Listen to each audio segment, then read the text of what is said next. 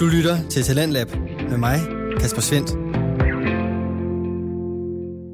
Om du er til de podcast, der underholder, som du kan grine med på og slappe af til, eller om du lytter til podcast, der nørder en niche, er mega konkrete og fyldte med holdninger, jamen så har jeg noget til dig her i aftens Talent Lab. Jeg skal huske at sige velkommen til. I aften der kan jeg præsentere dig for to podcast-afsnit, og først der er det anden del af Tankemøller-afsnittet, som du kunne høre første del af i går aftes. Her der er det Erik Andersen og Katrine Rosenqvist, der snakker om datinglivet i 20'erne. Men vi skal bare tænke på det her som vores corona, eller hvad yeah, ja. Så man får en rigtig god portion tid, hvor man faktisk kan lære hinanden at kende, snakke med sig og whatever, Mhm. og så faktisk finde ud af om det andet. Ja. Og så kan det godt være, at man faktisk kan bygge et virkelig, virkelig, virkelig stærkt bånd, Ja, og så når man sikkert. mødes, at det bare er wow.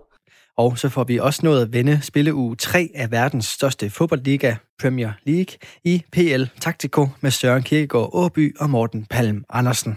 citattabellen, som du sjældent roser mig for, men jeg kan mærke, at du kan lide det. Så lad os... Ej, Øh, det, det er faktisk ikke rigtigt. Jeg roser tit og ofte på dine citater. Jeg gør det bare i starten.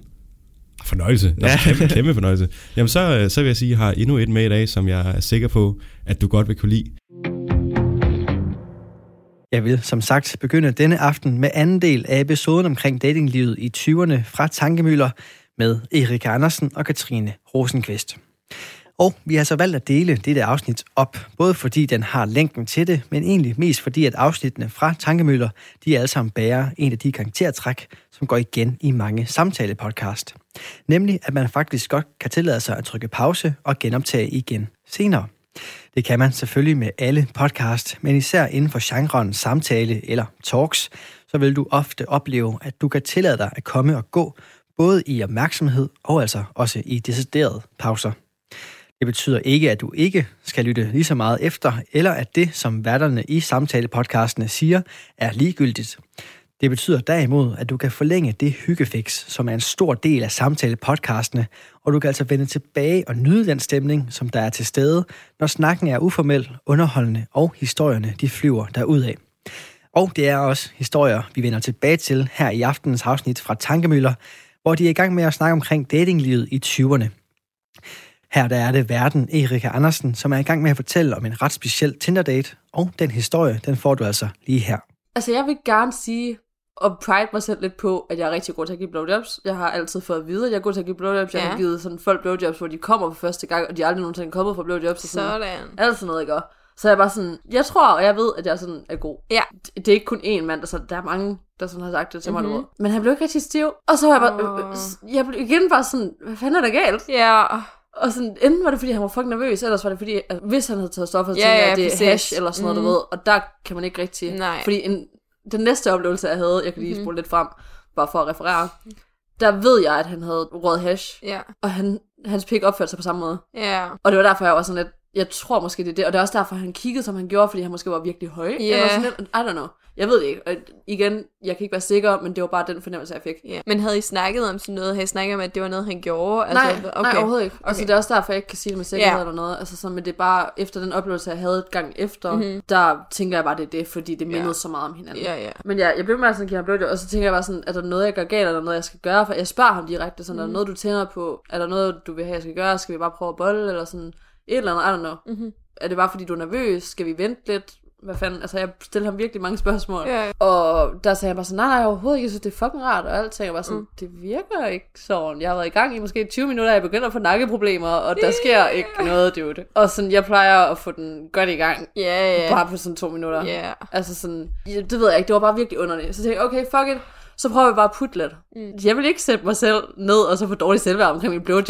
Jamen, der er altså heller ikke noget sådan, værre end sådan en blowjob med sådan en slatten diller. Altså. Nej, men det er også det, er også det altså sådan, fordi jeg plejer også bare at begynde på en, der er allerede lidt hård, ja, ved, ja, fordi man præcis. sådan bare ligger og putter. Ja, man er blevet sådan lidt lidelig. Jamen præcis, noget. og det var også det, at vi havde jo puttet lidt, så jeg troede måske, det var. Ja. Og noget andet er også, at sådan igen, for at gå tilbage, han havde lidt sat sig selv op til, at han havde sådan virkelig lang pæk, men Ja. det var bare, det var ret normal. Ja. Den var lidt tykkere end normalt og sådan noget, men det var ellers ret normal. Mm. Og så både den også sådan lidt og sådan. Det var bare ikke det igen, han havde sådan sat sig ud Nej, til. nej, altså, så præcis. alting var bare anderledes. Og det var virkelig, altså, jeg ville ikke have været skuffet, eller det havde Mm. måske ikke været nær så akavet, hvis han ikke havde sat sig selv op Nej, til... det er det. Hvorfor praise det så meget, hvis man ved, at det skal forskue? Hellere Altså, undervurdere ja. situationen, du ved, og, sådan, og så blive overrasket på en positiv måde Nemlig. end det her. Men ja, vi ligger og putter lidt, og så øh, prøver jeg sådan at tage hånden sådan ned bag min røv, mm-hmm. du ved, altså sådan at nå ned til hans bukser, og Ja. prøve at give ham sådan lidt handjob og sådan noget, og sådan prøve at få ham i gang igen. Ja. Fordi han sagde sådan til mig også, at sådan, ved du hvad, nu tror jeg faktisk, den er klar. Okay. Eller et eller andet. Han viskede et eller andet i den til mig. og så, ja, det er virkelig, altså det var sådan en situation, hvor det var sådan, it's ready for you. bare sådan, Åh, okay. den lyser grøn nu. Ja, det er så godt. Og den er klar. Brødet må gerne komme Ja. ind. Ej, det var virkelig sådan en underlig situation. Jeg håber virkelig ikke, han lytter til det her, men på samme tid, hvis han gør, det var virkelig ikke ondt men. hvad, hvis han gør, så Jeg er det tror- måske bare lidt stof til eftertanke. altså, sådan har jeg det altid. Nå, så. ikke bare... Ja, det er også derfor. jeg prøver lige at være lidt sød også. Ja. Også bare, fordi jeg mener også oprigtigt det her. Mm-hmm. Bare fordi jeg har en dårlig oplevelse med ham, betyder det ikke, at andre ikke Nej, altså, sådan, nej. får en god oplevelse mm-hmm. med ham. Det vil jeg også bare lige understrege, fordi der er der også nogen, som sikkert har synes, jeg var et dårligt knald, og så er der andre, der synes, jeg er den bedste i hele verden. Ja, ja, præcis. Altså sådan, det kommer an på kemi og alt muligt. Men han skulle også en off dag en gang imellem. Ja, ja, det er også det, og jeg tror, altså, jeg vil lige gerne give ham den her, bare Ja. sige, at det var en fucking off day, og han bare var nervøs måske. Ja, lad os sige det. Ja, øhm, men... Men- ja, jeg prøver jo at gå i gang igen. Og så prøver jeg at putte den op i mig. Ja. Og det, det er kun piger, der ved følelsen af det her. Følelsen af at prøve at proppe en halvfed pik mm. ind i dig. Den er ikke sjov, den er ikke rar. Man bliver tør som en kiks, Ja. hvilket gør det endnu sværere. Og jeg er ikke normalt den person, der behøver at bruge glidecreme. Lad os Nej. bare lige sige det sådan. Jeg gør det aldrig. Men han var nødt til at finde den frem og sige sådan, skal vi bruge noget? Og bare sådan, nej, det vil jeg ikke. Jeg synes ikke, det er sjovt. Altså, så vil jeg hellere bare lade mig bolle. Ja. Jeg reagerer ikke. Og mine nedre regioner, Mhm. mm-hmm. lige meget hvor naturligt et produkt af glidecreme er, så begynder det bare at klø og blive ubehageligt. Mm, okay. Ja. Og det er sådan, ja, så det gad jeg virkelig ikke. Normalt der var sådan, det, jeg sagde også direkte til ham, jeg har altså ikke normalt brug for det her. Mm-mm. Det er bare fordi, det bare ikke fungerer. Og sådan, altså jeg sagde det direkte, det fungerer bare ikke. Og jeg Wow. ved bare, altså, jeg kunne mærke, det ikke kun var for Ja, mig. ja. Jeg gjorde sikkert også et eller andet, der ikke gjorde ham nær så Ja. tryg. Eller, I don't know. Jeg prøvede sådan at være virkelig sød omkring det, du ved. Ja. Men han forstod det bare ikke, så jeg tænkte, okay, så prøver vi fandme. Ja. Og han blev ved med sådan at ville prøve efter sådan pauser og mellemrum igen. Ja. Nu bliver jeg sådan lidt, altså, føler du egentlig, at du havde gået over dine egne grænser der, fordi når du sådan, Nej, sådan tænker jeg ikke på okay, situationen. så dø, du var alligevel så... Ja, altså jeg prøvede virkelig at sige så, okay, vi prøver igen, vi Ja, prøver igen. Jeg ja, prøvede ja, at have ja. håb. Jeg prøvede bare sådan igen for at være sådan, Okay. vi kan godt vinde det her, vi kan godt vinde Ja, det. Altså ja, ja, sådan, ja. hvordan kan kemien have været så god før? Og så, altså, Præcis. sådan tænker jeg om mit hoved, Ja, ved. det kan jeg godt forstå. Han prøver så at gå over i doggy, Okay. og så gør det her. Ja. Men han ligger, han skubber mig ned, så jeg ligger fladt på madrassen Okay. med hans hånd. Så holder han virkelig, altså han putter al hans vægt, Ja. og han er altså ikke, det kan godt være, at han ikke var nær så robust, som jeg Ja. troede, men han vejede altså ikke lidt. Han, var, nej. han havde sixpack og sådan noget, ikke? men det er bare sådan, man, han vejede ikke lidt. Nej. Manden vejede ikke lidt, og jeg har allerede rygproblemer i forvejen. Han trykkede bare fucking hårdt ned og lagde al hans vægt på hans hænder ned på min, min lænd, Ej. og så prøvede han bare at bolle mig som en kanin. Nå, men det er virkelig, jeg kan ikke, jeg kalder ham kaninen, Ja. hver gang jeg fortæller historien, fordi det er bare sådan, det gjorde fucking ondt, at han pressede på den måde, mm. og for det andet er det bare sådan, jeg har aldrig nogensinde oplevet en bevægelse, der mindede om den, Nej. før eller siden. Det var virkelig det mest underlige. Jeg, jeg sagde også til ham på et tidspunkt, "Ved du hvad, jeg tror lige, vi skal have en pause, så jeg skal tisse. Mm. Og så jeg går ud, og jeg skynder mig bare lige over på sofaen, sniger min telefon med ind på badeværelset, og så skriver jeg til dig, og vi lige begyndt at blive venner der. Ja, ja, ja. Altså, vi har kun kendt hinanden, som har skrevet det sammen i to uger, tror jeg. Ja. Ja. Jeg tænkte, Katrine skal vide det her. Ja. Og jeg føler bare, at det var starten af vores venskab. Ja, ja, det, er sådan, det var lige der, hvor vi havde fundet ud af, at lige på, med det punkt især, der klingede vi, og sådan, Ja. der kunne man godt snakke om sådan Så jeg noget. skrev til dig, og så skrev jeg vist til Camilla, min ja. veninde. Og så var jeg bare sådan, det her det er det værste fucking sex, jeg nogensinde har haft. Red mig. Ja. Jeg ved ikke, hvad jeg skal gøre. Togene kører ikke mere, busserne kører ikke mere. Jeg sidder fanget her. Jeg har det så akavet omkring alt, der sker lige nu. Og jeg vil bare gerne ud. Og sådan, han boller os som en... Jeg, Ja, jeg kan det- huske, jeg sådan skrev det til altså sådan, jeg sendte bare en masse sådan kanin-emojis, fordi jeg Ja. var sådan, Det var sådan Duracell, altså. Ja. du har selvkanin, som lige var blevet genopladet med Ja. sådan, hans batterier der, og bare sådan, Ej. dit, dit, dit. Dem der, kan I huske øhm, dem der hunde, som vil lave dit, dit, dit, og så lave sådan en backflip, yeah. det jo altid fejl. Det føles lidt sådan. Det føles lidt som om, det er den der, lige før den laver backflip, var det, det, det, det, det, inde i mig. Marker. Makker. og sådan, det fortsatte igennem meget af aftenen, og da jeg kom hjem, der var jeg ærligt talt øm i en uge. I min fisse. Altså, så I bollede igen, efter du havde været ude at tisse? Ja, ja. Oh. Jeg tænkte bare, jeg blev ved med at sådan, det skal nok blive bedre, det skal nok blive bedre. Han blev ved med at også at undskylde, og det her det skete Ja, ja, ikke normalt. Og, Og man er bare den der med, nu skal jeg altså bare lige, fordi nu er jeg taget den her vej, og det kan Ja, sikkert godt blive godt, og det er jo også min første gang efter mm. kæresten. Ja, lige præcis. Til allersidst, så blev jeg bare så træt af det, at jeg bare lød som om, at jeg sådan faldt i søvn. Men så bollede der. Nej, nej, nej, nej. Okay. nej, nej. Altså, vi, jeg afsluttede bare og sagde, fordi han kom ikke på noget tidspunkt. Nej, Nej, det var også okay. det, der var underligt. Ja. Jeg var sådan, det har jeg heller aldrig prøvet før. håber, altså tit så er det bare sådan en rabbit-type. Altså, de kommer jo også bare mega hurtigt. Jamen det er det, men det gør Altså. han ikke. Han kom jo ikke på et eneste tidspunkt, så jeg var sådan, hvad fanden sker der her? Og sådan, Ja. han blev også slap inden i mig flere gange. Ej. Hvor han bare sådan fik den op og køre lidt, og sagde, okay, det, her, det er faktisk potentiale, whatever. Ja. Og det var derfor, jeg blev ved med at prøve igen, du. Ja. Fordi jeg tænkte sådan, okay, han, er, han kan godt være hård. Ja. Og der, den længste tid, han var hård, tror jeg, der var sådan 45 sekunder. Oh. Og så blev den sådan slap inden i mig igen. Og det er bare som at fucking prøve at stikke din hånd ind i en ballon. Ja. Jeg kan ikke beskrive det bedre. Altså sådan, det er ikke nemt, og det er mega underlig følelse. Så der er bare sådan en lille gnidning på åbningen Ja. og sådan noget, og det er bare ikke, det kan man godt blive mega med. Altså. Jamen det er det, og sådan, ja. også bare når man bliver tør og Mm. alting, og sådan, Ja, hvis man ikke synes, det er sexet, så Det er gør det. det. bare... så alting Det er nærmest var bare... kroppen, der siger, at du skulle have stoppet. Og... Ja, altså, det, sådan, det lyttede virkelig ikke til min krop der, men jeg har heller ikke været i situationen, altså sådan en situation siden, fordi Nej. Hvis jeg har kunne mærke, at der var, fordi jeg kunne jo mærke fra starten af, at Mm. den der kemi ikke var der. Ja. Jeg kunne mærke, at det er så tydeligt, men alligevel Ja. så blev ved med at prøve. Og nu, når jeg har den følelse, så stopper jeg den bare der. Mhm. Mm-hmm. Altså, så er jeg ikke bange for, fordi jeg troede næsten også, at hver gang man tog ud til folk, eller et eller andet, så skulle man have sex. Ja, ja, det er hurtigt den der, man føler, man skal. Ja, altså man skal give et eller Skylder andet. aldrig nogen noget. Nej, men det er det, og det kan man godt nemt føle, men det har jeg også lært siden. Jeg skylder Ja. aldrig nogen noget. Nej. Jeg skal være påpasselig med mine energier, Mhm. mm-hmm. og hvem jeg giver det til, og alting. Og ham, som jeg også begyndt at skrive med en smule nu, for at vende tilbage til noget positivt mm-hmm. også. Mhm. Ham skrev jeg også bare til sådan, at du skal være tålmodig. Altså selvom vi skriver fucking sexet sammen og sådan yeah. alt muligt. Åh oh my god, nu er det... oh, oh, de beskeder, han sendte til mig i går, jeg blev så... Altså, jeg, havde det så voldakavet, fordi du sad i rummet med mig, men jeg blev så fucking våd, og jeg sad Oh bare sådan og læste den her God. beskeder fra ham. Fordi de kom sådan, altså lidt randomly, men stadigvæk på perfekt timing, du ved. Ja. De første af dem, og så var sådan... jeg begyndte bare sådan indeni, var sådan, hold nu kæft. Hvis han boller, som han skriver, så bliver Ja. det det bedste sex i hele mit liv. Er du sindssyg? Det var noget af det frækkeste, jeg længste har oplevet. Længste, jeg kan ikke engang snakke. Det var virkelig frækt. Altså sådan, og der sagde jeg også bare til ham, selvom vi skriver på den her måde, Mm-hmm.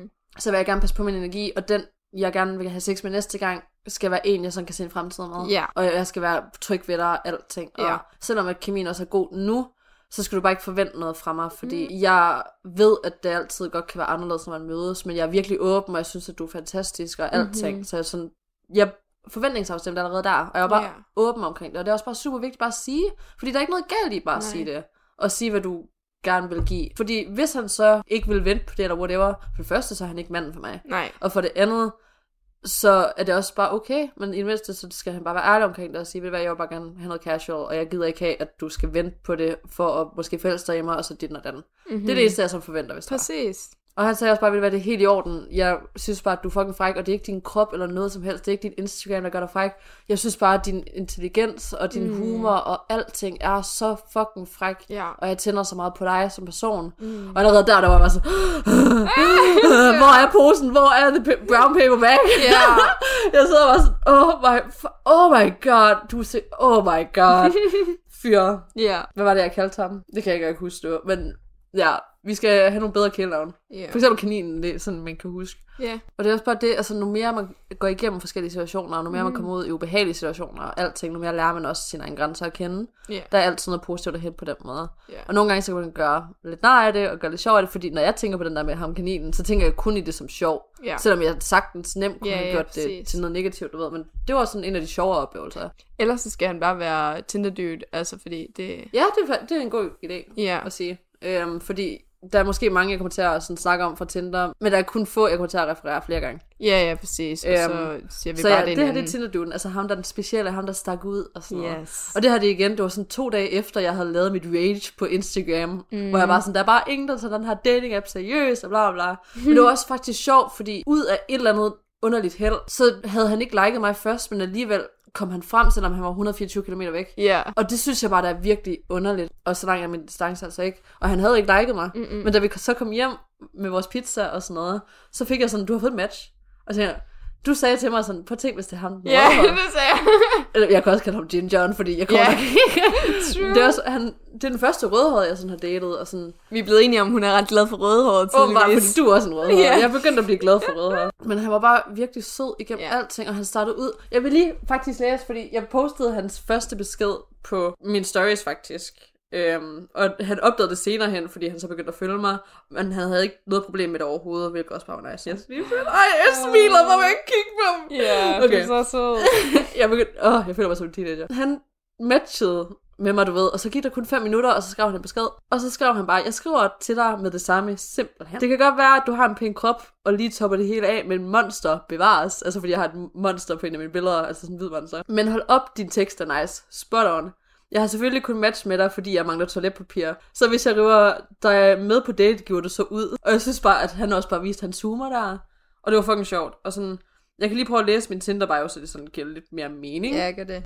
I min Tinder bio, der står der, Corona eller klamydia, har jeg begge, har jeg ingen af dem. Tør du tage chancen? Jeg er sponsoreret af Vingum i Aarhus og har våde klude parate, hvis vi løber tør for toiletpapir. Du finder ikke et bedre match. Det er sådan mit, altså sådan, jeg vil bare gerne være sjov. Ja, yeah, det er super godt. Men ja, det var så den, han sådan svarede på. Og derfra, der skrev vi bare frem og tilbage. Og jeg vil faktisk ikke læse andre beskeder, selvom de er fucking gode. Bare fordi jeg gerne vil have det, så det skal være privat. Mm. Det er også noget, jeg har lært fra mit tidligere forhold af, og bare hvordan jeg er som person nu. Mit forhold vil jeg gerne dele lidt ud af, især hvis det bliver seriøst, du ved, og sådan noget. Ja, Men selvfølgelig. jeg vil virkelig gerne holde det så privat som overhovedet muligt, og jeg vil Ja. slet ikke have, at det skal være offentligt på nogen måde, fordi jeg vil bare gerne have, at der er én ting i mit liv, som sådan er bare mit, du ved. Ja, præcis. Øhm, men ja, altså han var fucking sød. Og vi har bare skrevet non-stop, og han har også bare blevet med at sige, at han virkelig gerne vil mig. Han altså, har skrevet med folk før og sådan noget, men det har ikke været på den her måde overhovedet. Mm-hmm. Og sådan, jeg tror virkelig oprigtigt på ham også. Også bare fordi han deler så mange historier af ham selv. Vi snakker også omkring vores ekskærester, hvad der har fået os sådan til at tro mindre på os selv nogle gange, Ja. eller give os usikkerheder i dating, og da jeg fortalte ham om min angst, var han bare sådan mere end okay med det. Altså alle de andre, jeg har haft i mit liv før, som jeg har datet eller været kærester med, eller ikke alle, men i hvert fald de seneste par år, har ikke forstået det, har ikke været der på den måde, jeg sådan havde brug for det, har ikke bare Bare noget så enkelt som at spørge, hvad er det, jeg kan gøre i den situation. Mm-hmm. Ingen af dem havde gjort det. Også ham Julius, jeg datede der i efteråret sidste år, han var bare sådan, jamen det er faktisk fint, og hvis det her det er det værste, jeg skal gå igennem med dig, så er det jo ingenting. Mm. Og jeg græd bare og græd og sådan noget, og han gav mig bare et, et mega godt kram og alt sådan noget halløj. Men alligevel i den situation, der følte jeg ikke, at han var oprigtig. Nej. Og det er også noget, jeg først ser nu, når man sådan begynder at snakke om det igen. Fordi der, der ville jeg så gerne tro på, at han mente det, du ved. Men jeg kunne godt mærke, at der var et eller andet, der bare sådan ikke var oprigtigt ved ham. Ja. Og det viste sig jo også, han var der ikke for mig overhovedet de gange efter. Men med ham her, der føler jeg faktisk, at han er oprigtig. Og så håber jeg selvfølgelig bare, at jeg kan stå på min intuition. Men på samme tid, så har jeg stadigvæk et skjold lidt over. Men det har jeg også bare sagt til ham. Ja, det. Jeg har været ærlig omkring alt, og det har bare været så rart at kunne det. Ja. Og han har også bare været ærlig med mig omkring mm. rigtig mange ting. Og sådan, selvom det lige har endt med at være lidt, lidt meget seksuelt her inden for de sidste 24 timer, så var det slet ikke sådan før. Og Nej, sådan, nej. For mig, der handler det heller ikke om, hvor lang tid man har været sammen med nogen. Det handler om kvaliteten af den tid. Ja. Fordi du kan have datet nogen i flere år, men få det samme ud fra et andet menneske på tre dage. Mm. Det handler virkelig ikke om tid, når det gælder det her. Jeg, altså, kemien ved jeg jo ikke, om der er der endnu. Fordi mm. det er noget, man først finder ud af, når man står over for hinanden. Ja. Men den der compatibility, og den der sådan tryghed, og mm-hmm. den der sådan, wow, han vil mig faktisk gerne for mig, og så selv med alt det her andet og sådan noget, der kæmper han stadigvæk, og vi snakker også bare omkring vores fremtid, hvad vi gerne vil have. Og han delte ud, hvad han sådan ville først, og det legnede bare op med mig. Ja. Det, der sådan virkelig er vildt, det er, at det er første gang i lang tid, at jeg ikke sender mig op til, okay, ham her, han er sikkert the one and only, ham her, ham tror jeg, jeg skal gifte og sådan noget, alt muligt. Altså, Ja. det er første gang, jeg faktisk bare sådan, han er virkelig sød, og jeg nyder det lige nu og her. Mm. Hvis det ikke bliver til andet senere hen, og det ender med at falde lidt til jorden, fordi vi måske ikke har så god kemi i virkeligheden som Ja. på tekst, så det er også okay, fordi mm. det har givet mig en god oplevelse. Men lige nu og her, der er jeg virkelig glad, Ja. og jeg elsker at skrive med ham, og jeg elsker den måde, vi bare har kommunikation sammen. Mm. Og hvis det er det eneste, jeg sådan skal lære fra det her, og det eneste, jeg sådan skal få ud af det her, så jeg kan blive endnu mere forberedt til, når min kæreste faktisk kommer, Ja, ja. så er det også helt i orden. Ja. Men hvis det faktisk ender med at være ham, jeg sådan skal tilbringe mit liv med, så kunne det da være fucking fedt. Ja da, 100. Og det er også bare rart, inden jeg var nået dertil. Ja. Og det er også der, forskellen virkelig ligger for mig, fordi jeg har sat lidt for høje forventninger i mit hoved nogle gange til, at det sådan skulle være et eller andet. Men jeg er blevet Mhm. Ja. bedre og bedre til sådan faktisk at sænke farten ned, og bare sådan være taknemmelig, taknemmelig for, hvad det er. Men øhm, ja, hvis jeg skal dele en god historie, øh, eller en god oplevelse nu her, så er det også, øh, der er den her fyr, øh, ja, det kan da være fløjtende ligegyldigt, hvad han hedder. Vi gider ikke til at finde på et alias lige nu. Jeg har ikke et, der kommer sikkert et. Men ja, jeg skrev med ham tilbage i øh, august, september tror jeg faktisk, og vi havde snakket om, at vi skulle ses, og jeg var faktisk ret interesseret i ham. Jeg tror, vi var begge to sådan indirekte klar over, at vi søgte noget mere seriøst. Og vi havde aftalt, øh, at på første date, så skulle vi lave pull-ups øh, i fitness og så bare have en fitnessaftale, og så den, øh, den der tabte skulle give kaffe på næste date. Det synes jeg var ret fedt. Det var også mega cute. Ja, præcis, fordi så havde man på forhånd allerede aftalt, så skal vi også ses igen. Ja. Sådan, altså. Så det kunne jeg rigtig, rigtig godt lide.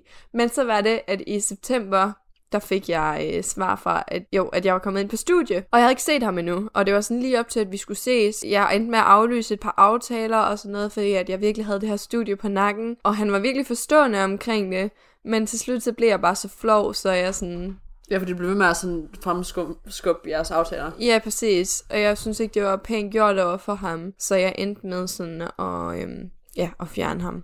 Og så havde jeg også... Så ja, du ghostede ham. Ja, og så havde jeg også... Jeg snakkede lidt med arkeologen der, og det var jo også det, ham, jeg endte med at ses lidt mere med og sådan noget. Ja. Så jeg tror bare... Det blev bare skubbet væk. Og det var lidt nemmere for dig på daværende tidspunkt, bare faktisk at slette i stedet for at faktisk sige noget til ham. Det var det. Men der er du blevet bedre nu. Ja, det er helt sikkert. Og så... Øh, men jeg havde ikke slettet ham på Tinder, jeg havde bare slettet ham på Snappen. Okay. Så her for halvanden uge siden, eller sådan noget, må det være, så skriver han til mig på Tinder, og så er han sådan, hej Katrine, jeg ved godt, vi ikke har snakket sammen i lang tid, men jeg synes faktisk, det var virkelig hyggeligt at snakke med dig, så, øh, og vi havde en god kemi og sådan noget, så jeg vil høre, om, om du har lyst til at snakke igen. Og jeg var bare sådan, jeg var virkelig, virkelig glad for, at han skrev, fordi det var Ja. faktisk slet ikke, fordi jeg ikke Du havde har lyst til at også nævnt snakke ham med et par gange. Ja, det har jeg. For jeg synes virkelig, det der med sådan, at have sådan en pull-up aftale og sådan, jeg synes Ja. bare, det var fedt, og det var, ja, han var rigtig sød, og det har faktisk været virkelig dejligt sådan. Jeg tror også, at de oplevelser, du så har haft efter, har fået dig til at værdsætte ham endnu mere. Præcis, og også især fordi vi snakkede om, nu skrev I jo så seriøst sammen, der er din Tinder dude der, Ja. og så fik du ligesom motiveret mig lidt til at skrive til ham her, og være sådan, jeg vil faktisk bare lige høre, hvordan du har det med følelser og sådan noget, fordi det er jo det, der har været et gennemgående problem for mig, at jeg har datet nogen, som ikke kan finde ud af at snakke om følelser. Ja. Og så var han sådan, jo, men altså, han ville faktisk godt være ærlig at sige, at han var ikke særlig god til at, at snakke om følelser, men, men han ville gerne blive bedre til det og sådan noget. Han var vildt glad for, at jeg sagde det, fordi at, øh, så var det jo ligesom lagt ud og sådan mm. noget, så vidste han også, hvad der var vigtigt for mig. Ja. Og det var bare vildt dejligt at få sådan en respons, fordi jeg har fuld respekt for, at han synes, det er svært, men at han gerne vil, og at han kan åbne op på den måde, mm. det siger bare mega meget. Ja, også bare, at hans ordvalg gjorde også bare, at han virkede mere oprigtig. Ja, han tog sig god tid til at skrive en lang besked, sådan for Ja. at få det forklaret, og Præcis. det var super positivt, synes jeg. Jeg ved ikke. jo, jeg kan vel godt sige, at der er også lidt den her anden fyr, som jeg sådan... Men, men der kan jeg ikke helt tyde, hvad det er, der foregår. Nej. Men jeg synes også, han er virkelig interessant, men han bor også langt væk. Men, men der er jeg måske lidt mere bekymret for forventningsafstemmen. Sådan. Men det er måske også et rødt flag. Ja, altså det, sådan, du ja, skal bare det lytte er det til måske. selv. Altså. Men jeg, sådan, jeg synes virkelig, at der er et eller andet der. Sådan, nej, det er måske også bare, jeg har lidt mere lyst til at kaste mig over ham. Jamen det er sådan. det, fordi kemi kan godt forblænde din kompatibilitet. Jeg har virkelig taget ved det ord. Ja. Kompatibilitet med en person. Ja. Og kompatibiliteten er det, der er vigtigst. Præcis. Og det er det, der gør, at du kan have et forhold og et ægteskab Fordi med ham her 80 ved jeg jo, connection er der. Men med ham den anden her, der ved jeg ikke helt, om der er en connection. Jeg har jo ikke snakket med ham på samme niveau. Jeg tror altså. bare, man allerede skal lytte til sig selv der, i stedet for bare at tvivle det. Ja, men jeg ved ikke, jeg ved ikke, om jeg bare skulle øh, sige tak for denne gang til alt det casual hejs der. Det kan jeg sgu ikke helt finde ud af. Jeg tror, jeg tror Så bare, jeg tager det, som det kommer. Ja, ja præcis. Altså, Hvad der føles rigtigt. mm, præcis, for du behøver ikke tage beslutningen Nej, nu, det og det. hvis du nogensinde ombestemmer dig, så gør du det. Du har Mm. friheden til at vælge Præcis. altid. Men ja, vi vil 100% snakke meget mere omkring dating i 20'erne og dating i Mhm. mm-hmm. coronatiden og sådan noget. Eller jeg synes faktisk ikke, vi kom så meget over det her med coronatiden. Men det kan vi faktisk komme ind på i det spil, Ja, vi har nu her, fordi der er kommet nogle øh, dilemmaer, og vi skal sige rødt flag og grønt flag til nogle ja. ting. Radio 4 taler med Danmark. Og du lytter til programmet Talent Lab, hvor jeg i aften kan præsentere dig for to afsnit fra Danske Fritidspodcast. Her som den første er det fra Tankemøller med Erik Andersen og Katrine Rosenqvist, der taler om at date i 20'erne og de historier, der følger med. Det afsnit, det vender vi tilbage til nu. Godt, vi er tilbage, og vi er nu klar med et lille spil. Vi har spurgt jer, om I har nogle do's and don'ts, eller nogle dilemmaer, som øh, der kunne referere sig til det her dating halløj eller noget kærlighed i hvert fald. Præcis, og så vi har sådan lidt dem her seks punkter, mm-hmm. vi har sådan skrevet ned fra folk, som har skrevet i vores DM's, eller hvor det var. ja. Og øh, tre af dem er sådan lidt do's and don'ts. Altså Ja. er det her underligt, eller sådan, er det et rødt flag-agtigt halløj. Ja. Og så de sidste tre, vi nævner, det er faktisk lidt mere uddybende dilemmaer, mm-hmm. sådan at det har faktisk, altså, okay, hvad er jeres holdning til det, og alt sådan noget. Ja. Men ja, lad os bare prøve at køre igennem dem. Ja, så den første, er det et rødt eller grønt flag, at de gerne vil ses uden for hjemmet i coronatiden? Og der, at der er snak om kærester, du ved. Altså Ja. folk, der allerede dater, Ja. men de gerne bare vil ud og så lave Kunne ting stadigvæk. Jamen, det kan da også være sådan, jeg tænker mere sådan en Tinder-date, altså du ved. Nå. Eller hvad? At de men altså, ses. ja, at de tager ud på en restaurant. Men det Ja. kan jo ikke engang rigtigt. Nej, men sådan, Det er meget forvirrende tid, det her. ja. Fordi det er også det med sådan ham, jeg sådan, du ved, snakker om ham, Tinder-duden. Der er det sådan lidt, altså han vil rigtig gerne ses, men han har også respekt for, at det bare ikke skal være lige nu, men han vil fucking gerne, og whatever. Og så spørgsmålet er sådan lidt, altså kan man godt faktisk være sammen Ja. en enkelt gang eller to, bare at det er derhjemme, bare for at lære hinanden at kende og sådan noget, eller skal vi faktisk vente til det her Ja, bliver ja, det går også lidt sammen med toren. Fordi Ja. det er også den, de vil ses fra Tinder lige pt. Jamen det er det, altså, øh, ja, for det var bare, nummer to var, Mm. mm. at det er et rødt flag, at de bare gerne vil ses generelt, altså Ja. Fra Tinder. Men udenfor, altså man siger jo udenfor er bedre, men det er jo stadigvæk ikke godt. Altså hvis I måske er to meter fra hinanden, så kan det godt være, men... Men på samme tid, så er der jo også det her med, at man gerne må se få mennesker. Og Ja, hvis din ja. omgangskreds ikke er dit, når der, altså for mig personligt, der vil jeg nok tjekke op med, okay, hvor mange mennesker ser han igennem Ja. den her dag. Er vi et punkt, hvor vi faktisk bare sådan skal ses i 14 dage sammen, Mhm. mm-hmm. så, så man kan komme over det og se, hvis vi faktisk har smittet hinanden, og hvis ikke, så kan vi tage hjem Ja, for og det er det. Men så altså, faktisk være sammen i 14 dage, Ja. Være inkuberet, eller hvad man Mhm. skal sige. Eller er det et sted, hvor at vi bare vil ses en gang til et Ja. random knald, eller sådan noget, eller er der noget dybere i det her? Al- Altså, der er mange spørgsmål, og der er mange situationer. Altså det er måske, nu er det måske tiden til at udforske det der nonneliv eller sådan noget. Ja, altså, Bare køb. Altså, seriøst, gå ind på Sinful. Jeg håber Ja. virkelig, at de sponsorerer os en dag. Men gå ind på Sinful, og så køb dig en fucking G-spot vibrator, Ja. ja. eller en uh, Satisfyer, eller sådan noget, hvis du er en kvinde. ja. Der er også en handjob-ting, maskine til mænd. Jeg ville i hvert fald være ked af, hvis jeg senere hen lige har en, en one-nighter, fordi at det trænger jeg lige til, og så smitter jeg mine øh, bedsteforældre altså ja, med corona. det er også det. Altså, men det er også det, man sådan skal lige tænke over. Hvad har man Nemlig. det bedst med, og hvad er closed, og kan man godt... Altså, for, for eksempel mig lige nu, når du mm. tager hjem, jeg omgives ikke med nogen mm. overhovedet. Så for mig, der synes jeg, det er okay, hvis jeg lige sås med den her ene person. Ja, Og så var det kun den person, jeg sådan lige sås med en gang eller to ja. i løbet af den her tid, indtil vi flytter. Men man skal virkelig tænke over det, og man skal Nemlig. Snakke om det. Nemlig. Fordi når jeg har haft folk på Tinder, som bare sådan, ej, skal vi ikke lige uh, bolle, jeg kan se, at du ikke er så langt væk, eller sådan noget. Altså sådan nogle Mhm. beskeder har jeg også fået her i de her dage. Og der var sådan, nej, Ja, nu skal ja, vi sgu da ej. Der var Men også for- en på Snap med mig, så skriver han, øh, så, så skriver han, at vi skal ses her i weekenden, og så er jeg sådan, nej, der er jo, der, der er jo lige corona, og så er han sådan, nå ja, det tænkte han ikke lige på. Hvordan kan du ikke lige tænke på det? Altså, Det, det er også et rødt flag. Altså, Ja. der, der, og det var også det spørgsmål, der var, altså er det rødt eller grønt flag? Og sådan, vi vil sige, det er et rødt flag. mm-hmm. Men på samme tid, altså hvis jeg vender det rundt, og så kigger på ham her Tinder-duden, som Mm. vi begge to rigtig gerne vil se, så bare lære hinanden at kende, du ved. ja, Er det så det værd? Fordi det er jo ikke bare et random kanal, og det er jo ikke engang sikkert, at vi kommer til at have sex. Det er bare for at faktisk lære hinanden at kende, og lige give hinanden et kram og sådan noget. Hvad er pros and cons der, og whatever. præcis. Men på samme tid, så kan man også vente rundt og sige, at det kan være en god ting ved det her corona halløj, Ja, at man bare faktisk, det er lidt ligesom Love is Blind, Ja. hvor man er inde i de her små cubes, eller de her små ting, Mm. hvor man ikke ser hinanden. Her, der ser man så hinanden over FaceTime, eller whatever. Hvor at inde i Love is Blind, der ser man slet ikke hinanden, udover at høre stemmer. Men vi skal bare tænke på det her som vores corona is ja, Blind. ja. Så man får en rigtig god portion tid, hvor man faktisk kan lære hinanden at kende, snakke med sig og whatever. Mhm. Og så faktisk finde ud af, om det er noget. ja. Og så kan det godt være, at man faktisk kan bygge et virkelig, virkelig, virkelig stærkt bånd. Ja, og så når man sikkert. mødes, at det bare er wow. Fordi med min ekskæreste, det var også før der var corona og alting jo. Mm-hmm. Men vi skrev faktisk sammen, og der gik en måned før vi faktisk sås. Ja, Og det gjorde, at verden sig forskel. Og det Ja. gjorde også bare, at første date var så magisk, og vi endte også med at have sex sådan første gang og så ja. at vi sådan så sås. Øh, vi havde lige haft en enkelt træning, øh, men sådan den første date var, var ligesom det. Så der er også nogle pros ved, at, sådan, at corona godt kan være en undskyldning jo. Hvis de er det værd, så kommer de til at ville vente på mig. Fordi kemien også er god for dem, og at connection også er god for dem. ja. Så det her, det skal vi nok komme igennem. Præcis. Det, det bare er noget, vi sådan skal komme igennem, jo. Mm. Og så, ja, der er mange ting, der sådan... Ja. Men jo, jeg vil sige, det var et rødt flag, hvis det var, at de bare sådan, ej, det er lige meget, og sådan, det at de slet ikke tænkte over det, eller ikke ville Ja. diskutere det, og Virkelig måske bare... omkring det. Præcis, og hvis det var den første besked, de sendte dig, det Ja. var sådan, hey, skal vi lige ses? Præcis. Bare lige sådan til noget hurtigt. Og sådan, nej, Mm. nej, det skal vi godt nok ikke. Nu kommer vi ind i dem, der er sådan lidt dybdegående dilemmaer. Jeg var til middag med min veninde, og hendes kæreste flytter lidt med mig. Skal jeg sige noget til hende, eller ej? Den er Ja. svær. Altså, øh, fordi også fløjt, så kan man være bange for, at fløjt det er nemt og at han kan sige fra sådan, ah, men det er jo misforstået. Eller man kan selv tænke, har jeg misforstået det? Ja, fordi Øhm. flirt kan også bare være venlighed, eller sådan Ja. bare lidt...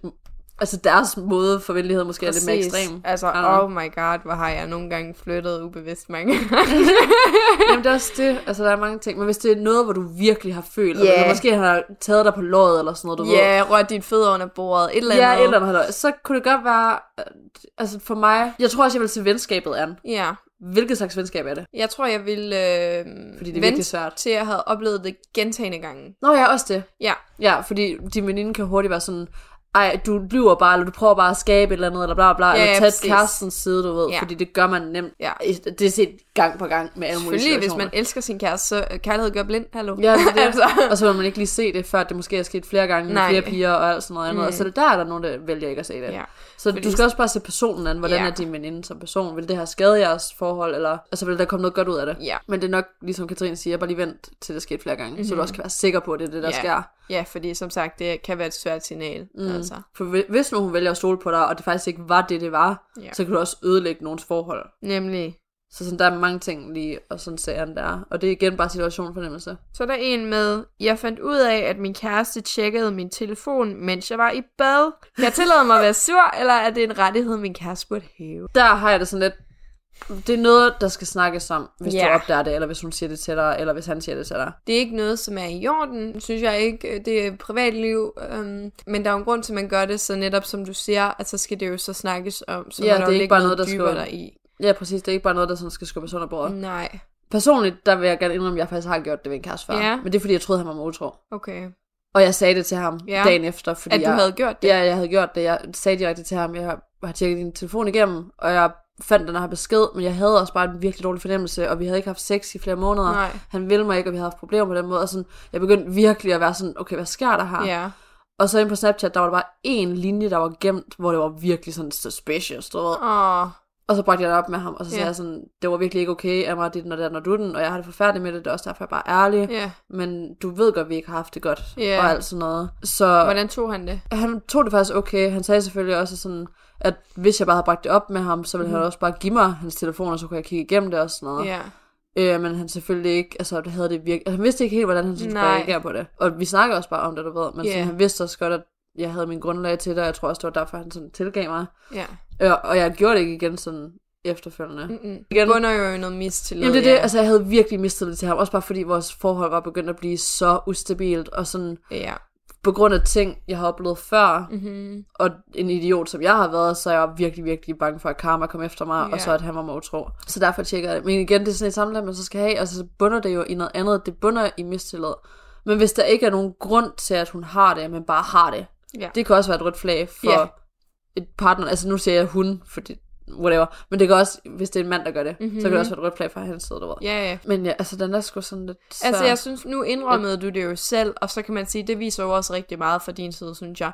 Men, men Ja, altså man, mig og Erika, ikke den dilemma, vi fik ind. Præcis, men hvis, ja, hvis det er en, der kommer hen og kaster din telefon på dig og siger, hvad er det, jeg har set her, og sådan noget, Ja, det- så, så bunder det jo virkelig noget jalousi, og det skal man i hvert fald virkelig over, altså, arbejde på, og ja, sådan, det er det. se, hvis det sker gentagende gange, og det er også en meget kontrollerende person generelt, Ja, Øhm, Så det som vil vide, hvor du er henne, og ja, præcis. noget der, ja, Man skal sætte præcis. tingene lidt i kontekst nogle gange og tænke, okay, hun tjekker min telefon, har hun gjort andet?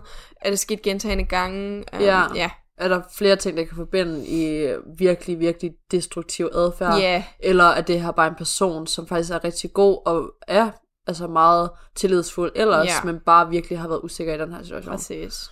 Det var, det var faktisk en god måde sådan lige at sætte det op på. Ja. Og um, det der med det sidste, som du skrev, er der en rettighed i det, som min kæreste, altså burde hun bare have lov til det. Og der er sådan lidt, altså for mig, jeg har ikke noget imod, at min kæreste ser, hvad, hvad jeg skriver af beskeder eller sådan noget, også bare fordi, at jeg er i punkten nu, hvor jeg aldrig nogensinde kunne finde på at lave noget, der fucket op. Altså igen, hvis man har kendt mig lidt tid, og det kan godt være, det er en historie, jeg skal dele, men der altså, sendte jeg nøgenbilleder til sidst i Ja. mit første forhold og sådan noget, jo. Mm. Men jeg kunne aldrig, aldrig, aldrig nogensinde finde på det igen. Så for mig, altså sådan også bare, hvis din kæreste ikke vil lade dig se det, så kan det godt være, det også jo er et rødt Ja, flag. Ja, der er, ah, det ved jeg ikke, der Men- er bare meget i det. Ja, jeg har og sådan, sådan, men jeg synes ikke, at det burde være en rettighed Mm-mm. overhovedet. Men alligevel så burde man bare som person sige, at jeg ikke har noget problem med, at du ser det igennem, og hvis du har brug for Præcis. det, så kan du gøre det, fordi der er ingen grund til, at du ikke kan stole på mig. Nej, for jeg har det sådan, min kæreste måtte gerne tjekke min telefon igennem, men det, at han vil have behov for det, vil være et problem i sig selv. Ja. Øh, for det siger jo noget om Det er også det, der er to sider til det. Altså sådan, Ja,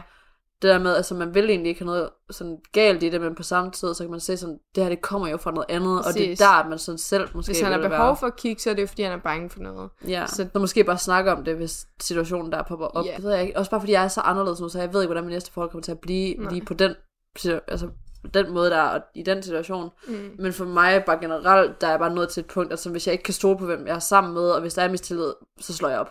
Ja. Og så stopper jeg det. Altså hvis vi ikke er blevet kærester, men bare dater stadigvæk, så stopper jeg det bare. Ja, ja. Fordi hvis jeg ikke kan stole på dig, så er der en grund til det. Altså hvis jeg Nemlig. begynder at få lyst til dem her ting, så er der altså en grund til det. For jeg begynder først at have dem her sådan, okay, jeg er nødt til at tjekke op på whatever, og bla bla bla, og sådan, lige så snart jeg får de lyster, så er det fordi, der er virkelig noget galt, Præcis. som giver mig lyst til det. Fordi også bare, når jeg sådan har datet folk efterfølgende i det første stykke tid, hvor jeg virkelig stolede på mm. dem, og deres opførsel var god, og de viste interesse og alt muligt andet, så har jeg ingen behov for det overhovedet jo. Nej. Det var første ting, begyndte at gå nedad, og der faktisk var noget at bekymre sig om, at jeg begyndte at få lyst til det. Ja. Så der skal man også lytte til sig selv. Ja. Igen, der er så mange sider til det her.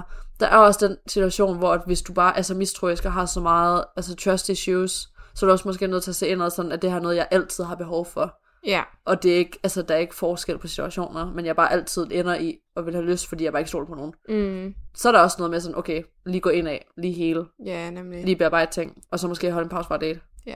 Det kan her, det kan sættes i, og mange perspektiver det. Ja, så det er også det, det er tit at sætte tingene i kontekst og se i det store billede. Sådan, Mm. Ja. 100%. Okay, det sidste dilemma her. Nå, okay. Katrine, hun har lige en uh, aftale, så vi holder lige en lille pause. og så kommer sidste dilemma. dilemma. We back. Katrine har snakket med hendes mor. Ja. Ja. Det var hyggeligt. Og nu skal vi tælle punkt 6, som er den aller sidste ting, vi lige går igennem, det aller sidste dilemma. Men før vi går igennem det, så vil jeg bare lige minde jer om, at I altid kan skrive et dilemma ind til os på vores mail. Mm-hmm. Øh, og det må være så vildt eller så innocent, som du har lyst til. Altså, nu sjovere, desto bedre, kan vi sådan set bare lige sige, og så kan vi grine sammen, og så dele historier sammen. Det kan være, at vi tager dem til slut. Det kan være, at vi starter ud med dem, og så danner de base for en eller anden episode. Ja. Altså, hvis det har et specielt emne. Lige præcis. Um, så anything goes. og I har alle sammen noget specielt at sige, og vi alle sammen mm. oplevet et eller andet, der er, var out of this world Ja. weird as Altså, vi, fuck. vi elsker, at vi kan få lov til at tage jer med i det her. ja, 100 procent. Um, så Så ja. Punkt nummer 6. Jeg snakker med en fyr i byen, og først efter nogle timer samtale frem og tilbage, finder jeg ud af, at han er 20 år ældre end mig. Uh. Det skal lige siges, at han slet ikke lignede en på 43, men tværtimod en i slutningen af 20'erne. okay. Hvad er jeres holdning til så stor en aldersforskel? Er det ulækkert at gøre? Og så har hun lavet som parentes. Mm. Det skal lige siges, at jeg faktisk tog med ham hjem, men jeg har det underligt med det efterfølgende, og ved ikke, om det var dumt gjort. Okay, det første er, altså, om det er ulækkert, og det andet er, om det bare var dumt gjort, eller Der sådan er lidt den andet. der ultimative regneregel, men jeg kan ikke huske den. kan du huske det, den der med øh, plus syv et eller andet sådan? Nå ja, som Ja. man sagde i sådan 6. klasse. Men jeg tror sådan virkelig- Der var for, det ved jeg ikke, eller i hvert fald da man var yngre. Præcis. Måske ikke lige 6. det var lige en tand for ung, men... Men jeg ved ikke lige, om det er den, jeg vil anbefale. Altså, men det, altså, det, hvis det er en one-nighter, så kan jeg da ikke se, der er noget Og så- galt i det, hvis der er god kemi. Jamen det er det, og så også bare, altså, hvis det ikke er en, du har nogen forbindelse med mm. ellers og sådan noget, altså... For det Ja, hvis det egentlig er en sugar daddy, så... Nej, men jeg tænker også bare, altså hvis det er en, du ser i centret hele tiden, Nå, eller ja, ja, et eller andet ja. halløj, altså sådan, så kan det godt være, at det lige var et no-go. Mm. Men det er Men- igen, det er op til situationen. Ja, jeg og tror også, jeg har det meget sådan, eller det et tal, altså... Der er jeg så lidt, altså sådan, for mig, der vil jeg ikke date en. Nej, jeg men det er også det, det kommer også an på, hvad det er. Om det er dating, eller det er one-nighter, Ja, men det er også altså, det, og mange ting. Og hvad man lige har lyst til. Jamen præcis, men øh, igen, der er no judgment. Mm. Fordi jeg kan også godt se, især hvis han ikke lignede en, og du ikke vidste, at det er første gang, du møder Præcis. ham, og det er i byen, og bla, bla, altså sådan, og du tog jo med ham hjem, mm-hmm. så kan jeg virkelig ikke se. Mm-mm. Fordi der er alder virkelig, altså subjektivt. Er det ikke det rigtige ord at bruge? Eller objektivt? Jeg kan aldrig finde ud altså, Nej, det ved jeg er subjektivt, ikke det er jo god ens personlige mening. Objektivt, det er jo, når det er sådan... Jamen, der, jamen, så er det subjektivt. Altså, det er op til dig selv og din egen personlige Ja. mening. Altså, sådan, det er lige meget, hvad nogen anden føler eller ser det som, fordi sådan, det er dig, der boller med personen. Men når det gælder altså, forhold og sådan noget, jeg kan både se pros and cons ved det, at han er ældre. Ja, ja, helt sikkert. Jeg har virkelig, min mor har altid været sådan, Katrine, du skal finde en fyr, der er ældre. Øh, fordi jeg er sådan en gammel dame, gammel sjæl indeni. Mm. Øhm, og det, det er jeg begyndt at kunne forstå nu. Det har jeg ikke sådan kunne forstå før. Nej, Altså, altså, alle dem, jeg sådan skriver med, ja. et par år ældre nu, mm. I forhold til at være min egen alder. Og jeg er begyndt at sådan sætte min Tinder også til at være op til, ja. Jeg tror det er 32 den højeste grund til. der er jo også videnskabelig forskning, der viser, at øh, Mænd er bagud. ja, hjernemæssigt, lapperne, de tager lidt længere tid om at Men det er bare lige 20 færdigudvikle. år. Det Nej, kan nej, godt være præcis. et stort gap. Altså, så skal han virkelig være ung i Er sindet. det ikke sådan tre år andet. eller sådan noget? I må ikke hænge mig op på det. Jeg er ikke øh, science. Nå, ja, ja, men det er bare lige i forhold til selve det her dilemma her, Ja. om det er for meget eller Altså, når det bare gælder sex, nej. Mm. Men når det gælder et forhold, så skal du spørge dig om, hvilken person du er, og hvilken person han faktisk er. Ja, og hvilket altså, liv du vil have, fordi mm. der er mange ting, der lige pludselig skal i spil. Har han børn? Har han en ekskone? Vil du have flere børn? Vil han have flere børn? Ja. Altså, øhm, Eller har du slet ikke børn, men Ja, ja, bare gerne have præcis. dine egne? Altså, altså, jeg datede, nej, ikke, ikke dated. Jeg skrev med en, faktisk var far. Han var kun 29, så det er jo ikke så meget ældre end mig. Mm-hmm. Altså, det begynder at være, ja, fem år eller sådan noget, ældre mm-hmm. end mig. Og han havde et barn. Og min første, eller ikke mit første, men en af mine første spørgsmål, efter vi havde skrevet sammen i et par dage, det var også bare sådan, om han ville have børn med mig senere mm-hmm. hen, hvis det var, vi datede. Eller om han bare var færdig med det. Fordi Ja. hvis han ikke ville, så var det allerede et no-go for mig. Men hvis han gerne ville, så ville jeg gerne sådan tage chancen. Fordi han spurgte også, før jeg spurgte ind til ham, ja. Om jeg havde datet en daddy før. Ja, altså ja. uden sådan Ja, seksuelle sugar men bare en, en far. ja. Og det har jeg ikke. Men jeg ville være villig til at gøre det, Mhm. mm. altså sådan, især hvis jeg også godt kunne få et godt forhold. Altså han havde et godt forhold med hans ekskone der. Ja. Og hvis jeg også godt kunne få det, så, så ville jeg overhovedet ikke have noget imod det. Men hvis jeg bare følte, at jeg var et eller andet, der slet ikke var en del af den Ja. familie, og på den måde blev sådan skudt ud, mm-hmm. Mhm. du ved, eller sådan, ja. så ville jeg ikke kunne gøre det. det. Jeg skulle kunne være en del af deres familie Ja. også. Jeg tror, min bekymring ved sådan noget er også sådan, faktisk lidt i forhold til børnenes alder også og sådan noget. Meget bekymret for, hvorvidt at jeg vil knytte mig til det barn, hvilket jeg tror, jeg vil. Og hvis det så ikke gik, så ville det være ret hjerteskærende. Ikke alene, at man skulle sige farvel til en mand, Men også et men, barn. men også et barn, som man har knyttet sig til. Og hvis man ikke har været gift eller noget, eller måske kun har været sammen i to år, og ikke sådan 20 Ja. år, du ved, og at det her barn er ungt, som det her barn jo var, Ja. for eksempel, altså, så er spørgsmålet også sådan, altså sådan, så vil jeg jo ikke kunne få et personligt forhold med det efterfølgende. Men Nej. hvis barnet var ældre, og vi var ældre, og alting, du ved, og Præcis. så, at vi gik fra hinanden, og så barnet var 20, så kunne det sagtens være, Ja, fordi så præcis. valgte barnet selv. Jeg elsker jo og min, den. min øh, fars ekskone, altså Ja. som, jeg ser jo ikke engang min far, men altså, hans ekskone der er fantastisk, og jeg er så glad for at have haft hende i mit liv, men, men altså, havde jeg været yngre, så var det jo nok ikke sikkert. Nej, jeg tænker, vi er virkelig dårlige til at svare hurtigt på det Ja, det er vi. Men det er også bare fordi, der er så mange sider til det, og vi Det er sådan, ligesom nemlig. skal altså, se det fra en færre synsvinkel mm-hmm. også, og så prøver vi også bare at relatere til det fra egen personlig erfaring. Ja. Ham faren hører jeg så ikke så meget fra mere, og jeg, det ved jeg ikke. Jeg ved ikke, om det var fordi alt det her corona er, og han ikke vil skrive med en, som han først kan møde om lang tid, fordi Ja, han går ja. også rigtig meget op i det her. Eller om det bare var personligt, at der bare ikke var nogen sådan kemi, fordi Nej. Det er meget op og ned. Men lige nu, der skriver jeg med sådan fem. Ja. så er det sådan, jeg, jeg tænker ikke så meget over det, når en ikke skriver, og så er jeg sådan lidt, nej, så skriver jeg bare med en anden en i stedet Keep for. your options open. Ja, også bare fordi, når det ikke er mere seriøst, end hvad det er, og vi bare skriver sammen, altså, mm. ingen af dem har jeg mødt endnu. Nej. Men alle sammen har jeg en eller anden form Men det for var også, kemi som vi snakkede om, at det der med, det er også hårdere, hvis man bare committer sig til en, og så det Ja. ikke dur, altså når det, selvom det er så nyt, så er det lidt nemmere Præcis. sådan, Og selvom man måske føler, at der er et eller andet sådan specielt, Ja. eller whatever. Altså. Jeg tror også bare, så vil man virkelig fortryde i bagspejlet, at man ikke bare lige tog på den der date, eller skrev med den der person mm. lidt mere, for lige Ja. at finde ud af, fordi... Lige præcis, fordi du skylder jo ikke nogen altså, loyalitet, Nej. før at I aftaler et eller andet, eller før man kan føle, på grund af samtaler, på grund af hvor meget man er sammen og alt sådan noget andet. Nej, og du kan jo blive chokeret, ligesom med Rabbit Guy. Altså, Jamen, der det er havde det. du jo en helt anden forventning. Det er lige så sådan- præcis det. Men you never knew, altså. Og det er også derfor, fordi ham her, Tinder-duden, mm-hmm. som vi har bragt op et par gange i den her episode, det er jo en person, jeg virkelig håber, at alting er godt med, Ja. og det er ham, jeg sådan helst vil ud af dem alle sammen. Og, og sådan er det bare. Ham, jo, jeg altså, stemmer eller hæpper på. ja, og det samme med Sara også, det er dem, de fleste hæpper på.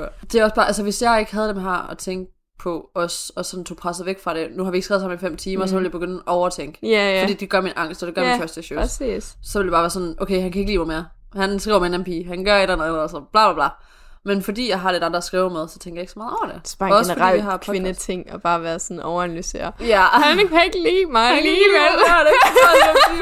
Men han har jo også sit eget liv. Altså Ja. ligesom vi sidder og gør det her nu, så gør han sikkert også et eller andet eller han Ja. har venner at skrive med, eller det godt være, han skriver med en anden en.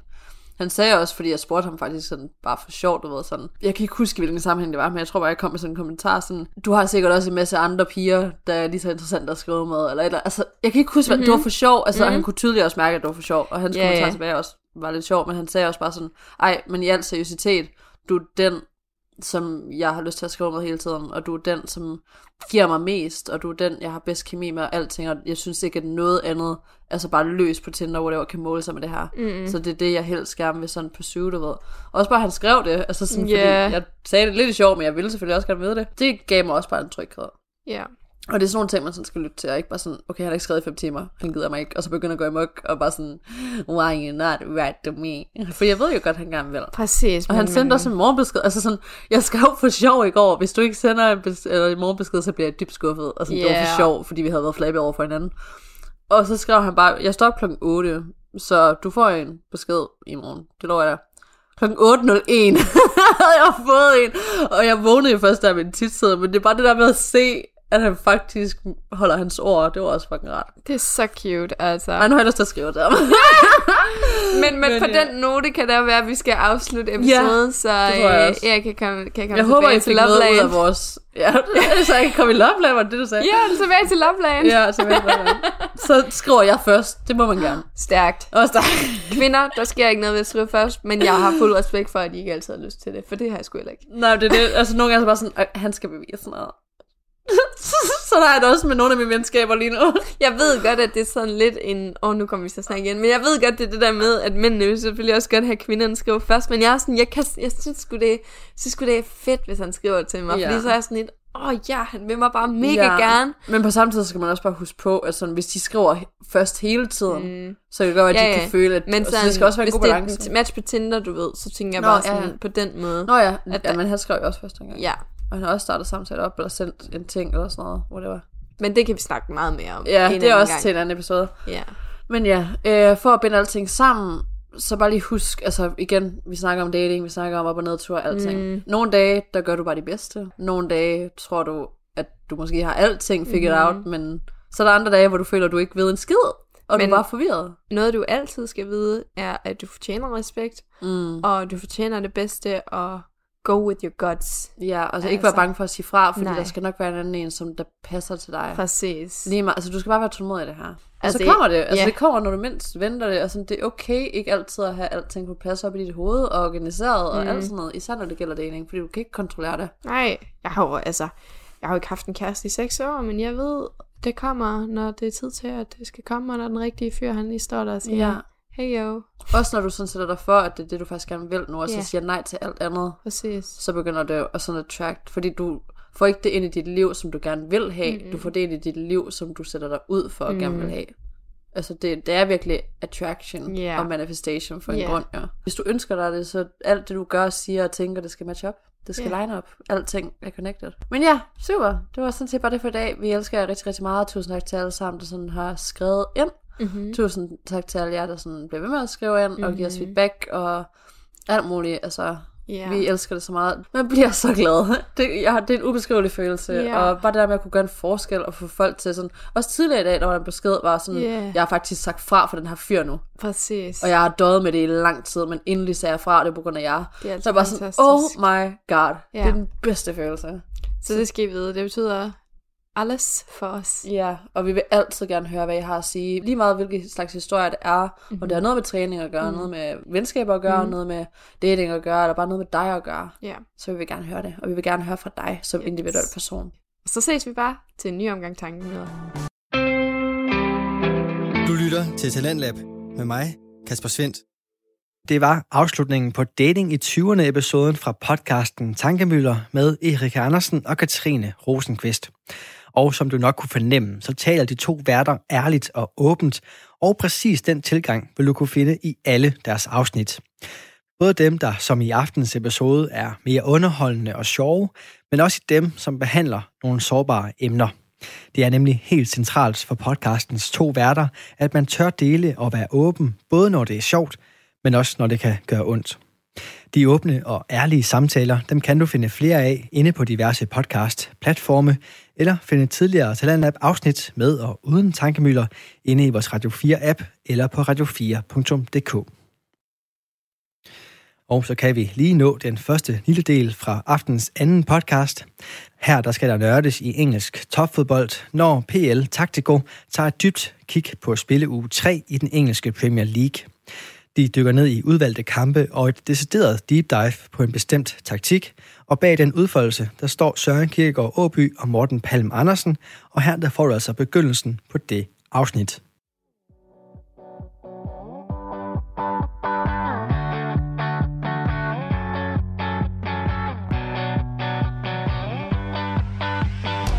Ja, det er også igen, og hvilken fornøjelse det er. I Tyskland kalder man det Midtwoche, men i England er det matchday.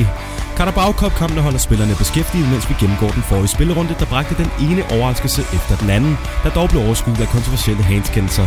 Wolves blev sendt retur fra London med et 4-0 nederlag, West Brom hentede deres første PL-point mod Chelsea, mens Leicester bankede hele fem mål ind på Etihad. Vi har sammen udvalgt tre kampe, og Søren har som altid forberedt en deep dive, mens jeg har medbragt et citat.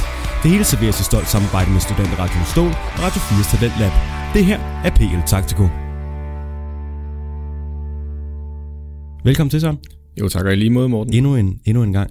Ja, Og velkommen til øh, jer, der lytter med derhjemme, eller jer, der lytter med på, øh, på radio. Nu ved vi selvfølgelig om vi får lov at blive spillet. Det er lidt ærgerligt, hvis jeg sidder og siger det her nu, og så vi ikke kommer i det er en ret stor antagelse, du også bare vælger at antage, at vi altid bliver sendt i radioen nu. Jamen, vi er jo gode. Det må man, det må man også sige, når man, øh, når, når man når så højt op, som vi er nu. Lidt storhedsvand ved. Jeg ved det godt. Jeg, jeg skruer ned. Men det er fordi, jeg bliver nødt til at, at lige at være lidt ovenpå her til at starte med. Fordi når vi når hen mod slutningen af afsnittet, så kommer jeg til at lægge mig på knæ. Og, og så kommer jeg til at være der er helt under Dani. For Det- der er en kamp, vi, øh, vi ikke kommer udenom. Ja, du talte jo et øh, meget stort game, synes jeg, sidste afsnit, eller i hvert slutningen af det, så øh, ja, det er vel karma, kan man sige. Det er det. Og jeg, jeg, jeg er glad for, at du ikke har taget Liverpool-trøje på i dag. Og jeg er også glad for, at jeg ikke har taget Arsenal-trøje på. Eller det er jeg så ikke. Men øh, det er ikke sikkert, at den har været på alligevel, selvom vi øh, måske vandt. Og så øh, var jeg lige ved at skrive til dig, da vi kom foran. Det gjorde jeg heldigvis ikke. Så den har du altså ikke på mig. Men øh, til gengæld så har vi et øh, lækkert program i dag. Og vi skal starte med nogle øh, nyheder fra Premier League, hvis ikke du har et eller andet fra dit øh, eget liv, som du lige skal ind med. Nej, jeg spørger det dig er ikke. gang, der er Ja. lige noget. Det, det føles som om, det er sådan en skriftestol, der kommer ind i, og jeg har aldrig noget med. Det er perfekt. Det er perfekt. Sådan er det. Vi er ufejlbarlige. øh, hvad det så end betyder lige nu. Men lad os hoppe til nogle øh, nyheder fra Premier League så. Den første, jeg har med, det er selvfølgelig efter den her weekend, der kan vi ikke øh, komme udenom det. Det her med de handskendelser, der har været. Klubberne, de har været ude og reagere på det. De har bedt øh, dommerne, den øh, forening, der hedder PGMOL, som jeg ikke lige på stående fod kan huske, hvad står for, men øh, i hvert fald så har de bedt dommerne om at skulle, øh, skulle være mere subjektive i deres vurderinger og bedømme, hvor, hvor tæt spilleren er på bolden, og om armen er i en øh, unaturlig position osv. Og så vil de også gerne have, at dommerne de ser situationerne i real time, når de går ud på skærmene, i stedet for at stå i uh, slow motion, hvor det ofte er svært at, at vurdere. Og ja, handskendelser, den her runde her, det har været det, der har været det helt overskyggende.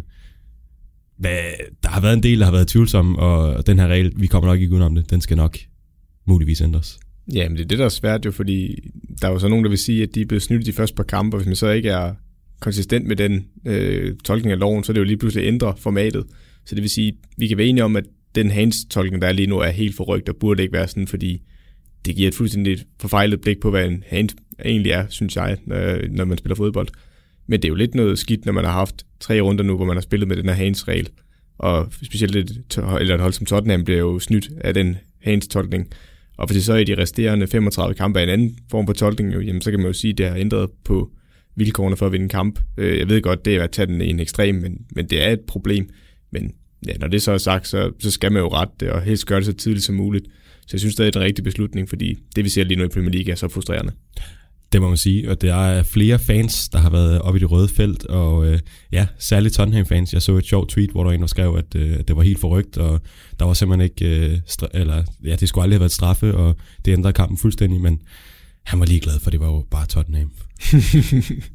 men altså, ja, selvom jeg også er Arsenal-fan, og det gik ud over Tottenham i den her omgang, så det skal jo simpelthen bare ændres. Så vi må se, hvad de gør, om det bliver i øh, næste sæson, ligesom de har lavet nogle vareændringer i den her sæson, eller om det bliver øh, her undervejs. For som du siger, der er jo nogen, der har fået, øh, fået taget point fra sig på grund af de her situationer.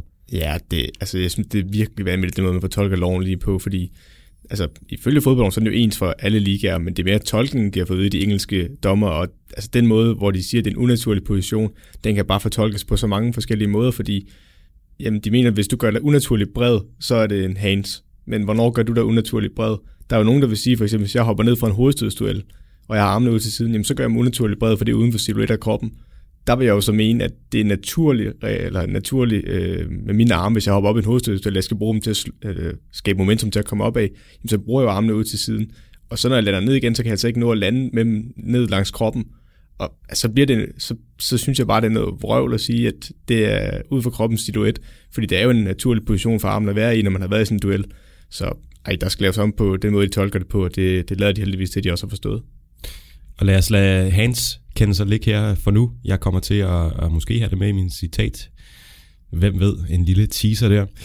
Jeg har en, øh, en nyhed med, som jeg lige gemmer lidt, øh, til vi alligevel skal snakke om en af de kampe, det omhandler. Radio 4 taler med Danmark. Og du får selvfølgelig den resterende del af dette afsnit fra PL Taktiko med Søren Kierkegaard Åby og Morten Palm Andersen. På den anden side af dagens sidste nyheder, der kommer